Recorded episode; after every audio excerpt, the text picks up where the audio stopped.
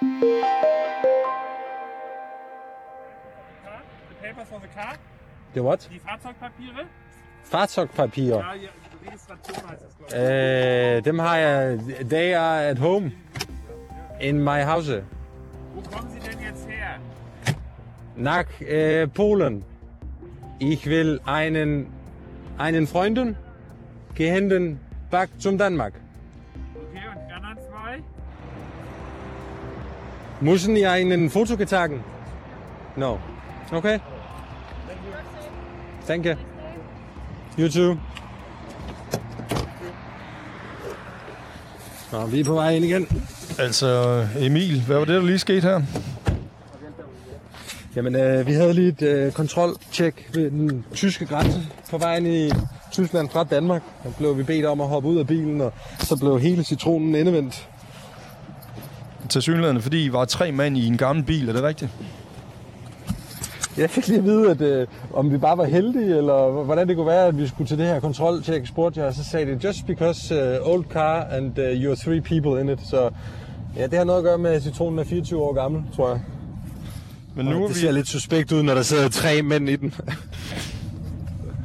men nu er vi afsted, og jeg skal lige sige, det her det er podcasten Ring Hjem Emil med reporter Emil Jørgensen, der lige er kommet hjem fra den ukrainsk-polske grænse. Øh, men nu er han afsted igen. Mit navn er Peter Rasmussen. Jeg er chefredaktør på Avisen Danmark. Hvorfor er du afsted igen, Emil? Jamen det er jo fordi, at vi to vi gav et løfte on air i sidste uge, og det var, at øh, hvis Mads han besluttede sig for, at han ville hjem igen, så var vi aldrig mere end 15 timer væk, så ville vi komme og hente ham ved grænsen. Og Mads Longi fra Vejle, han øh, har ringet til mig i morges og øh, fortalt, at han har forladt militærbasen, og øh, han vil gerne hjem fra Ukraine. Så vi er på vej ned for at hente Mads. Og bare lige for at få styr på historien, så er Mads Longe altså en 25-årig mand fra Vejle, som blev kørt derned i sidste uge øh, i den bil, du sidder i nu, fordi han ville ned og deltage i krigen på ukrainsk side mod russerne. Og det havde han rigtig mange grunde til, også en masse personlige grunde. Der var, der var meget, han, han gerne ville rette op på. Han ville egentlig gerne ned og være en held. Men hvad er der sket siden?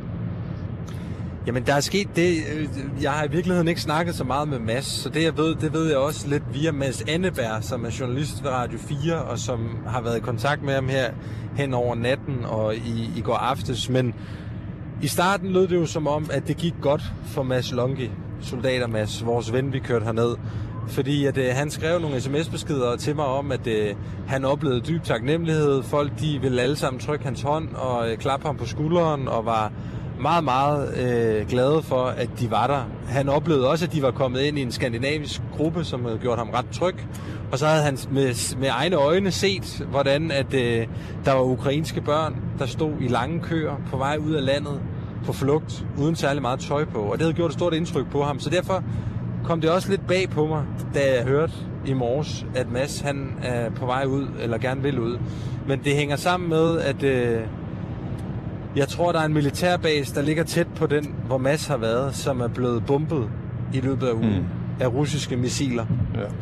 Og så tror jeg, at Mads, han føler, at der måske ikke er så meget en plan for, hvad der egentlig skal ske med dem, som først antaget. I hvert fald så øh, nåede jeg lige at høre, at det er noget med, at han har sovet på et ret koldt gulv, og øh, der er en del, der er blevet syge. Mads inklusiv, hvis nok. Og det er noget med, når der har været bombealarmer, når der har været de her luftsirener, så har de ikke haft en bunker, de har ikke haft en kælder, de har kunne søge tilflugt i. Så de er blevet sendt ud i skoven, øh, hvor de har ligget og gemt sig derude. Så vidt jeg er orienteret. Men det er klart, vi er jo meget, meget klogere om et døgns tid, når vi øh, har fået mass forhåbentlig sikkert ombord i den her bil og er på vej hjem mod Danmark igen. Altså det, jeg har hørt, øh, det er, at han synes, det var useriøst, da han blev mødt af, at der ikke var nogen plan for hverken hans træning eller, eller, eller hvad de skulle bruges til. Altså det, det var som om, at de frivillige, der kom ind i Ukraine, ikke øh, blev brugt til noget som helst. At det, jeg har hørt, at det stemmer det overens med det, du øh, har fået at vide fra Mads. Ja, meget præcist. Jeg tror, han sagde, at der var gået mere politik en reel militær militærtræning i det. Øh, at det måske mere handlede om at fremstå som en, som en enhed, som, som at de egentlig var i gang med at blive det. Men, Men jeg synes måske i virkeligheden også, at det er en lille smule useriøst at begynde at analysere for meget på præcis, hvad det er, fordi at det er jo det, som Mads han skal åbenbare for os snart forhåbentlig. Og det er jo det, der også er vigtigt at sige med det her, det er, at det her er en dybt personlig historie for, for mig, og også for dig, Peter, fordi at vi ligesom er blevet engageret i Mads mm. på en eller anden måde. Vi har været med på hele turen, vi har kørt ham herned. Øh, men der er jo selvfølgelig også en større historie i det her, og det er, hvad er det, som Ukraine de gør med de mænd fra hele verden, de udlændinge, der kommer for at træne op til at kæmpe mod russerne. Hvad sker der for det? Mads er jo en fuldstændig unik førstehåndskilde på alt det.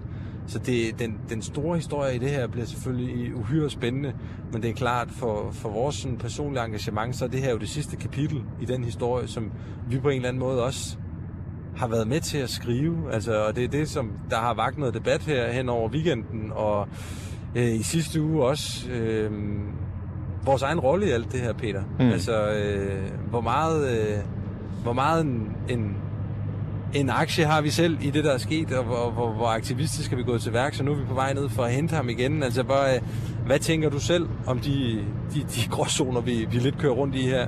Jamen, der har jeg tænkt mange tanker, men jeg er simpelthen lige nødt til at blive lidt ved med, mere ved ham der Mads, altså, kan, øh, inden vi fordyber os i vores egen navlefnuller. Kan han komme ud i det hele taget? Altså, hvad, hvordan kommer han ud? Og øh, altså, er, det, han gør i virkeligheden, at desertere? Jeg troede, han har skrevet kontrakt. Jeg ved, at han er i Lviv lige nu, og det er den by, der ligger et par timer fra øh, den ukrainske grænse. Ja. Jeg ved, at han i kontakt med en ukrainsk fixer, som Mads Anneberg har arbejdet med, som har sagt, at øh, han kan komme ud med cirka halvanden times kø, vurderer fixeren. Så det vil sige, at planen er, at vi skal på en eller anden måde time det, sådan så at Mads han kommer ud på et tidspunkt i nat, når vi så kommer forbi og samler ham op ved den her grænse her. Og han bliver ikke stoppet Men ved det er grænsen? klart, vi har alle sammen set, øh, så vidt jeg er orienteret, nej, så vidt jeg har fået at vide, så har de fået lov til at forlade basen, og det er ikke noget problem. Han har jo forladt den her militærbase sammen med en, en lidt større gruppe er også nogle danskere og folk fra andre lande, og så vidt jeg er orienteret, så er de andre, alle andre på Nærmas, de er gået videre mod øst, de er gået mod krig, de er gået mod fronten, de er gået mod kamp. Mads, han vil mod Danmark, og mm. som jeg har fået det at vide, så øh, kommer han til at flygte ud af Ukraine på lige fod med alle de andre flygtninge, hvilket vil sige, at vi har jo alle sammen set billederne og videoerne af de her fuldstændig propfyldte øh, tog, som, som folk maser sig ind i for at komme ud. Vi har også set billederne af folk, der står i jamen, mange dage lange køer. Øh, vi har set billeder af folk, der har efterladt deres biler på vej ud. Men jeg tror, at Mads i samarbejde med den her fixer har en plan for, hvordan han kan komme ud og komme ud på en måde, hvor han regner med, at det ikke vil tage mere end halvanden, to timer for ham i kø. Jo, men, men Emil, det, klart, det, det vi ser, når vi ser de der enormt lange køer af, af mennesker, der bliver mast sammen i tog og som kommer ud, det er jo, det er jo at det er kvinder og børn, mens alle øh, mænd over 18 og under 60 bliver tilbageholdt, så de er klar til at kæmpe. Du tror ikke, øh, Mads han risikerer at blive tilbageholdt sammen med de andre mænd? Det tror jeg ikke, han gør, i og med, at Mads han er dansker, og det gælder for alle ukrainere. Og jo, så har Mads skrevet under på en kontrakt. Øh, han har tilmeldt sig øh, herren, men så vidt jeg er orienteret, så vidt Mads er orienteret, så tror jeg ikke, at han vil blive tilbageholdt. Vi regner med, at øh, vi får ham ud i nat. Men det er klart, altså, jeg kan sidde her og, øh, og, og gloge mig, men, men, men, men virkeligheden er jo uforudsigelig lige nu. Vi, er, vi befinder os i en krig, og jeg kan jo ikke, øh, vi kan jo ikke garantere noget som helst andet, end at, øh, end at Mads har en plan om at prøve at komme ud i nat, og vi har en plan om at hente ham. Men du har jo ret. Det er ikke øh, små ting, vi har været involveret i. Altså, du har jo kørt master ned, og så kørte du øh, to kvindelige flygtninge eller ukrainere med til Danmark. Og nu er du så på vej igen og, øh, til, til den ukrainsk-polske grænse. Og igen har du rodet nogle andre mennesker ind i det. Hvem sidder i bilen nu? Jamen, nu har jeg fået selskab af to unge danskere, Lasse Sandborg og øh, Karl Johan Holmgaard. To unge fyre. Lasse, han er 26, Karl Johan, han er 20. Og øh, de har det til fælles, at de har en fortid på Røding Højskole, ligesom jeg selv har. Øh, Karl Johan, han går der nu. Og øh, de er enten i gang med at uddanne sig til journalist, til journalist eller på vej ind i journalistikken. Og øh, grunden til det her, det er kommet i stand, det er simpelthen fordi, at øh, i morges var jeg på vej mod Røding Højskole for at øh, give et oplæg og for at snakke med dem om, at de skulle kunne lade de her to ukrainske kvinder, som jeg tog med hjem i sidste uge, bo på højskolen. Få en hverdag på højskolen. Det var det, der var planen i morges. Men øh, virkeligheden overhaler reporteren i øjeblikket, fordi da jeg kørte på Storbæltsbroen, der, øh, der snakkede jeg så i telefon med Mads i Ukraine, der fortalte mig om det her. Og øh, min første indskydelse var at køre direkte mod Polen så hurtigt som muligt. Men jeg nåede jo også lige at tænke en tanke eller to, og øh, komme i tanke om, at der er ret langt til Polen. Jeg har selv lige taget turen frem og tilbage sidste uge. Det er jo altså 15 timer hver vej. Og hvis jeg skal overleve den tur, øh, uden at køre galt, eller uden at, uden at dø af søvnmangel, så øh, vil det være rigtig godt med noget backup. Så øh, i løbet af et par timer fik jeg smidt tilbuddet ud, både til de tidligere elever på Røding Højskole og til, til de nuværende, jeg var nede og holde oplæg for. Og der sprang øh, Karl Johan og Lasse altså så med. Så lige nu sidder Lasse bag rattet. Karl Johan han sidder om bagved, og det betyder, at vi er tre til at kan køre den her alt i alt 30-35 timer lange tur frem og tilbage. Og til sammen, der ligner I så, øh, når man lægger din Citroën oveni, noget man skal stoppe ved grænsen for at finde ud af, hvad der er galt, og hvad I gemmer i bagagerummet. Var det ikke det, var det ikke sådan, vi startede den her podcast? jo, jo, jo. Jo, det gør vi jo så åbenbart. Det var meget surrealistisk. Lige pludselig så kørte der en tysk bil foran os, hvor der blev stukket et skilt ud til højre. Polizei stod der. Og så blev vi ligesom halet ind på sådan en resteplads. Og så øh, fik vi at vide, at øh, vi skulle give dem vores pas, vi skulle give dem et kørekort, vi skulle tage mundbind på, vi skulle gå ud af bilen. De ville have papirerne på den her gamle citron, som jeg selvfølgelig ikke har i bilen. Dem har jeg derhjemme. Og da jeg fortalte om det, sagde han bare, nik gut. og så øh, stod vi ligesom der. Jeg fik at vide, at jeg skulle tage hænderne op af lommen. Der måtte jeg ikke have dem. Og så gik de i gang med fuldstændig at gennemsøge alle tasker og øh, alle sæder og bagagerum og prøvede at få os til at forklare, hvad, hvad er det egentlig på vej ud i her. Jeg prøvede jo på mit sådan lidt forstokket, øh, gebrokne tysk, som du måske hørte, at sige, at øh, vi er fahren aus øh, Poland. Øh, warum? Äh, wir müssen äh, ein Männchen äh, gehenten. Was? Øh, okay. Øh, hvem er Mads? Jamen, øh, Mads er vores, vores ven. Og så spurgte han, jamen, hvad, hvem er, hvorfor er I tre? Øh, das Radgedelen. Øh, så simpelthen for, at vi lige kan dele rettet på vejen derned, og kan være lidt flere om det. Så øh, det endte med, at øh, det endte i smil og øh, god tur, øh, fordi de kunne jo godt se, at vi, vi havde hverken våben eller stoffer eller øh, mennesker eller noget andet farligt med, som man ikke må transportere. Ja. Øh, det, vores eneste forbrydelse var sådan set, at vi sad tre mand i en meget mistænksom gammel bil. på vej til Polen. Jamen, det er, det er fremragende. Øh, ja, og så tog du jo hul på de etiske overvejelser i det her. Mm. Jeg synes, der er... Altså, det, det, det er jo altid en overvejelse, når man involverer andre mennesker i sådan noget, som det, vi er gang i her. Men, men, men der, hvor det vel egentlig var sådan mest diskussion, det var, om Mads kunne sidde i din bil på vej derned. Det må også være noget af det, du selv har tænkt over. Om, øh, altså, om du hjalp ham i krig. Om du kørte en 25-årig tvivler ned i en krig, som man ikke havde nogen forudsætninger for at, at vide, hvad var, eller deltage i, fordi han har jo heller ikke nogen militær træning af, af betydning. Så jeg spiller den nok tilbage til dig selv. Hvad, hvad tænkte du selv om den del af historien?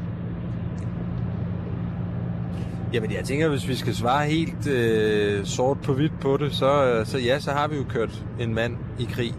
Men jeg er også ret overbevist om, at Mads han havde fundet vej til den krig under alle omstændigheder. Og det er det, der også er vigtigt at pointere og slå fast. Det er jo, at vi, jeg, Avisen Danmark, har ikke arrangeret en tur til Ukraine for folk, der gerne vil i krig. Præcis. Det har vi på intet tidspunkt gjort. Vi har ikke, vi har ikke annonceret på Facebook eller andre kanaler, hey, hvis der er nogen, der kunne tænke sig at komme i krig i Ukraine, så vil vi gerne facilitere det. Vi har koblet os på en allerede eksisterende tur og spurgt, om vi måtte følge dem til den polsk-ukrainske grænse. Til Polen og ikke et skridt længere, fordi det var ligesom det, der var vores aftale. Og så har vi, som jeg selv synes, det ganske mest naturlige i verden, har jeg jo så sagt til de mænd, vi har fulgt, at hvis der er nogen af dem, der vil gøre brug af min bil på vejen derned, til at sidde i, til at have bagage i, så står den åben for det. Mm. Og det synes jeg er en klar forskel på, om vi var begyndt at arrangere ture. Men det er da klart, og jeg har også måttet svare på det, både fra øh, nogle af de her højskoleelever, jeg lige har været nede og holde oplæg for, fra øh, alle mulige tastaturkrigere på øh, sociale medier, og fra egne venner, som, øh, som også er interesseret i det, vi render og laver her. Hvor meget menneske, hvor meget reporter er der i det her? Altså, hvor går linjen mellem os, eller mig, der sidder øh, på bagsædet med Mads, og øh, mere eller mindre indirekte prøver at tale ham fra at gå i krig, fortæller ham, at prøv at høre, du er ikke nogen kryster, hvis du vender rundt. Medie Danmark har glemt dig om fem minutter. Hmm. Samtidig med, at jeg jo sidder og skriver artikler om Mads. Og der, øh, der synes jeg bare personligt selv, at jeg har opereret på en, øh, på en mavefornemmelse hele vejen. Og en mavefornemmelse, jeg har snakket med dig om. Og jeg synes jo et eller andet sted, at det, at øh, vi stadigvæk er i kontakt med Mads, og at vi er på vej ned for at hente ham nu, viser, at tilliden mellem ham og os i hvert fald er til stede. Så kan man så diskutere, er der så på en eller anden måde kommet for tætte bånd mellem os og Mads? Kan vi også behandle ham kritisk journalistisk? Og der synes jeg så bare igen, at vi må lade det skrevne ord tale for sig selv. For kigger man på de artikler, som vi har lavet om Mads, hører man på de ord, vi har sagt om Mads i vores podcast, Peter, så synes jeg jo ikke, vi skåner manden. Nej, hvad tænker du på? Skåner ham? Vi, øh, Jamen, jeg tænker, vi er ærlige omkring både hans fortid og hans bagage og hans motivation for at tage ned i krigen ja. og øh, hans motivation for at tage hjem igen. Altså, øh, jeg synes, at vi, øh, vi, vi bevæger os på en, på en, øh, på en knivsæk her mellem det, det, det, det menneskelige og øh, det, det journalistiske, og det er jeg selv glad for, at vi kan diskutere løbende hele vejen. Men altså, vi har jo for lang tid siden i den her sammenhæng øh, forladt den observerende journalistik, observerende beskrivende journalistik. Altså, du er jo involveret, og det er du jo også, når du tager flygtninge med hjem. Det er jo, øh, at de var måske nok kommet til Danmark under alle omstændigheder, men nu kom de det så i din bil. Øhm, omvendt så har vi jo også snakket om, at det ville se mærkeligt ud, hvis du sad der og var journalist og ikke havde plads til at, at, at tage to med på bagsædet. Ikke? Jo, det man kan diskutere i forhold til de to på bagsædet, det er jo, om det er en, på en eller anden måde er en, en ulig interview-situation. Altså om de er i stand til at sige fra, fra at lade sig blive interviewet på vejen hjem til Danmark, øh, når de samtidig får et lift. Men der handler det jo igen om at jamen, bruge nogle sociale egenskaber og øh, lade folk vide, at øh, der er intet pres her. Det er ikke noget for noget deal. Du er kommet ombord med en journalist her, som rapporterer om det meste, der sker på den her tur, men det betyder ikke nødvendigvis, at du får vredet armen rundt på ryggen, og du skal stille op til noget. Sådan har det ikke været på noget som helst tidspunkt. Vi har jo heller ikke brugt dem. Og, øh, Øh, vi har ikke interviewet Nej, dem på den har måde. vi. Har skrevet om, at de kører med os hjem, men øh, det er meget sparsomt, hvad vi ellers er gået ind i deres historie, netop fordi, at vi har vel skåne dem begge to, fordi at vi synes, at det har været en lille smule overvældende for dem at skulle forlade deres familie og komme hjem til noget, de ikke kender i Danmark, til en eller anden bekendt, som ja, den ene af dem aldrig har mødt før, og en bror, som den anden bor hos nu. Altså, der er jo, det ved du, Peter, der er jo rigtig mange andre journalister og medier, der har ringet til mig, og sikkert også Mm. til dig, for at høre, om de måtte få telefonnummer på de her to kvinder. Og det, det har vi jo sagt, sagt nej til, netop af, af den grund, at, øh, at de måske ikke er helt klar til det endnu. Så der ligger jo nogle journalistiske overvejelser bag hver valg, vi tager, men det er jo også en eller anden form for gonzo-journalistik, vi laver, hvor at jeg bruger mig selv, jeg bliver en del af historierne, men vi varedeklarerer det også. Og det er også det, jeg synes, der på en eller anden måde retfærdiggør alt det her, det er, at vi er jo ærlige omkring alting. Det er jo ikke, fordi der er noget her, der foregår fordækt, eller der er nogen forhold omkring os og Mads, eller mig og de to flygtninge, som, som vi ikke fortæller om, selvom at, øh, der er nogen, der prøver at skyde os til skoene. Men nu har du så to øh, mulige fremtidige journalistkolleger med i bilen. Øhm, det er ikke en potentiel farlig tur, de er ude på, vel? Nej, det er det ikke. Altså, øh, vi skal som sagt ikke ind i Ukraine. Vi skal til Polen, og så skal vi tilbage igen. Det eneste, der gør den her tur farlig, det er, at det er mange timer bag et ret. Og det betyder jo, at man skal passe lidt på med at være ærlig over for hinanden, om, når man er træt og når man er frisk. Og netop derfor er det rigtig, rigtig fedt, at jeg har fået øh, opbakning med på turen her, så vi er tre om at dele rettet. Men, øh, men nej, redaktør, jeg tror ikke, at øh, du behøver at være bange for, at øh, du, du skal i, øh, i alle mulige programmer lige om lidt og øh, forklare, hvordan det kan være, at øh, din journalist han sidder i biler med højskoleelever på vej til, øh, til den polsk-ukrainske grænse. Det er voksne mennesker, vi har med at gøre her. De er begge to gamle nok til at træffe valg, om de vil tage imod et tilbud, og øh, jeg tror for dem er det her også en spændende tur og en mulighed for at komme helt ind i maskinrummet på, hvordan at, øh, vi laver sådan en slags historie her på Avisen Danmark. Og så er der jo dig selv tilbage som, øh, som, som spiller i det her. Er du okay? Eller øh, det har været nogle hårde uger i hvert fald. Er det simpelthen nu, at min redaktør han begynder at blive helt betænksom og omsorgsfuld, eller Øh, ja, men jeg er også lidt nervøs for, om du skal ind og have et hotel og, og ligge ned og sove og sådan noget. Jeg går ud fra, at, at I kører igennem. Er okay. Tak fordi du spørger, Peter. Jeg, jeg har det fint. Jeg synes, det har været en intens uge i sidste uge. Det er klart, det har da også påvirket mig en del. Øh, Både det her med at skulle køre folk i, folk i krig og køre folk hjem fra krig, og, og også opleve, hvordan at øh, grænselandet så ud i Polen. Øhm, men jeg er også personligt ret glad for, at øh, vi er på vej mod Polen for at hente Mads hjem igen. Fordi Mm. at, øh, jeg tror, dem, der har lyttet med på den her podcast, de har godt kunne høre, både direkte og mellem linjerne, at det var den afslutning på historien, jeg håbede på, at vi skulle skrive. Det sagde Ja. vi jo også selv til hinanden i sidste uge. Ja. Så øh, nu handler det bare om, at øh, vi får ham bragt sikkert hjem, og at øh, vi forhåbentlig også får et indblik i, hvordan at verden ser ud for de udlændinge, der melder sig til krig i Ukraine. Jamen Emil, øh, jeg tror måske, at øh, vi skal sige, at det er det, øh, vi når i den her omgang, og så lad os tales ved, når du har fået fat i Mads, forhåbentlig allerede i morgen aften. Er det rigtigt, eller hvornår? Hvornår satser du på at være i kontakt altså, med ham? hvis, hvis planen går, som vi gerne vil det, så har vi allerede øh, så har vi ham inde i bilen natten mellem tirsdag og onsdag. Og så er vi øh, på vej hjem mod Danmark i morgen sammen med Mads. Men øh, lad os nu se. Nogle gange så øh, Ja. vi jo som sagt overhalet af virkeligheden. Så, øh, men øh, skal jeg ikke ringe hjem i morgen, og så øh, kan jeg opdatere dig på situationen? Jo, lad os gøre det, og så må du give gutterne i bilen en polsk burger, når I når så langt. Det her, det var øh, podcasten Ring hjem Emil med reporter Emil Jørgensen fra en gammel Citroën på vej ned igennem Tyskland til Polen for at hente Mads fra Vejle, som øh, har meldt sig under de ukrainske faner, men som gerne vil hjem nu. Mit navn er Peter Rasmussen.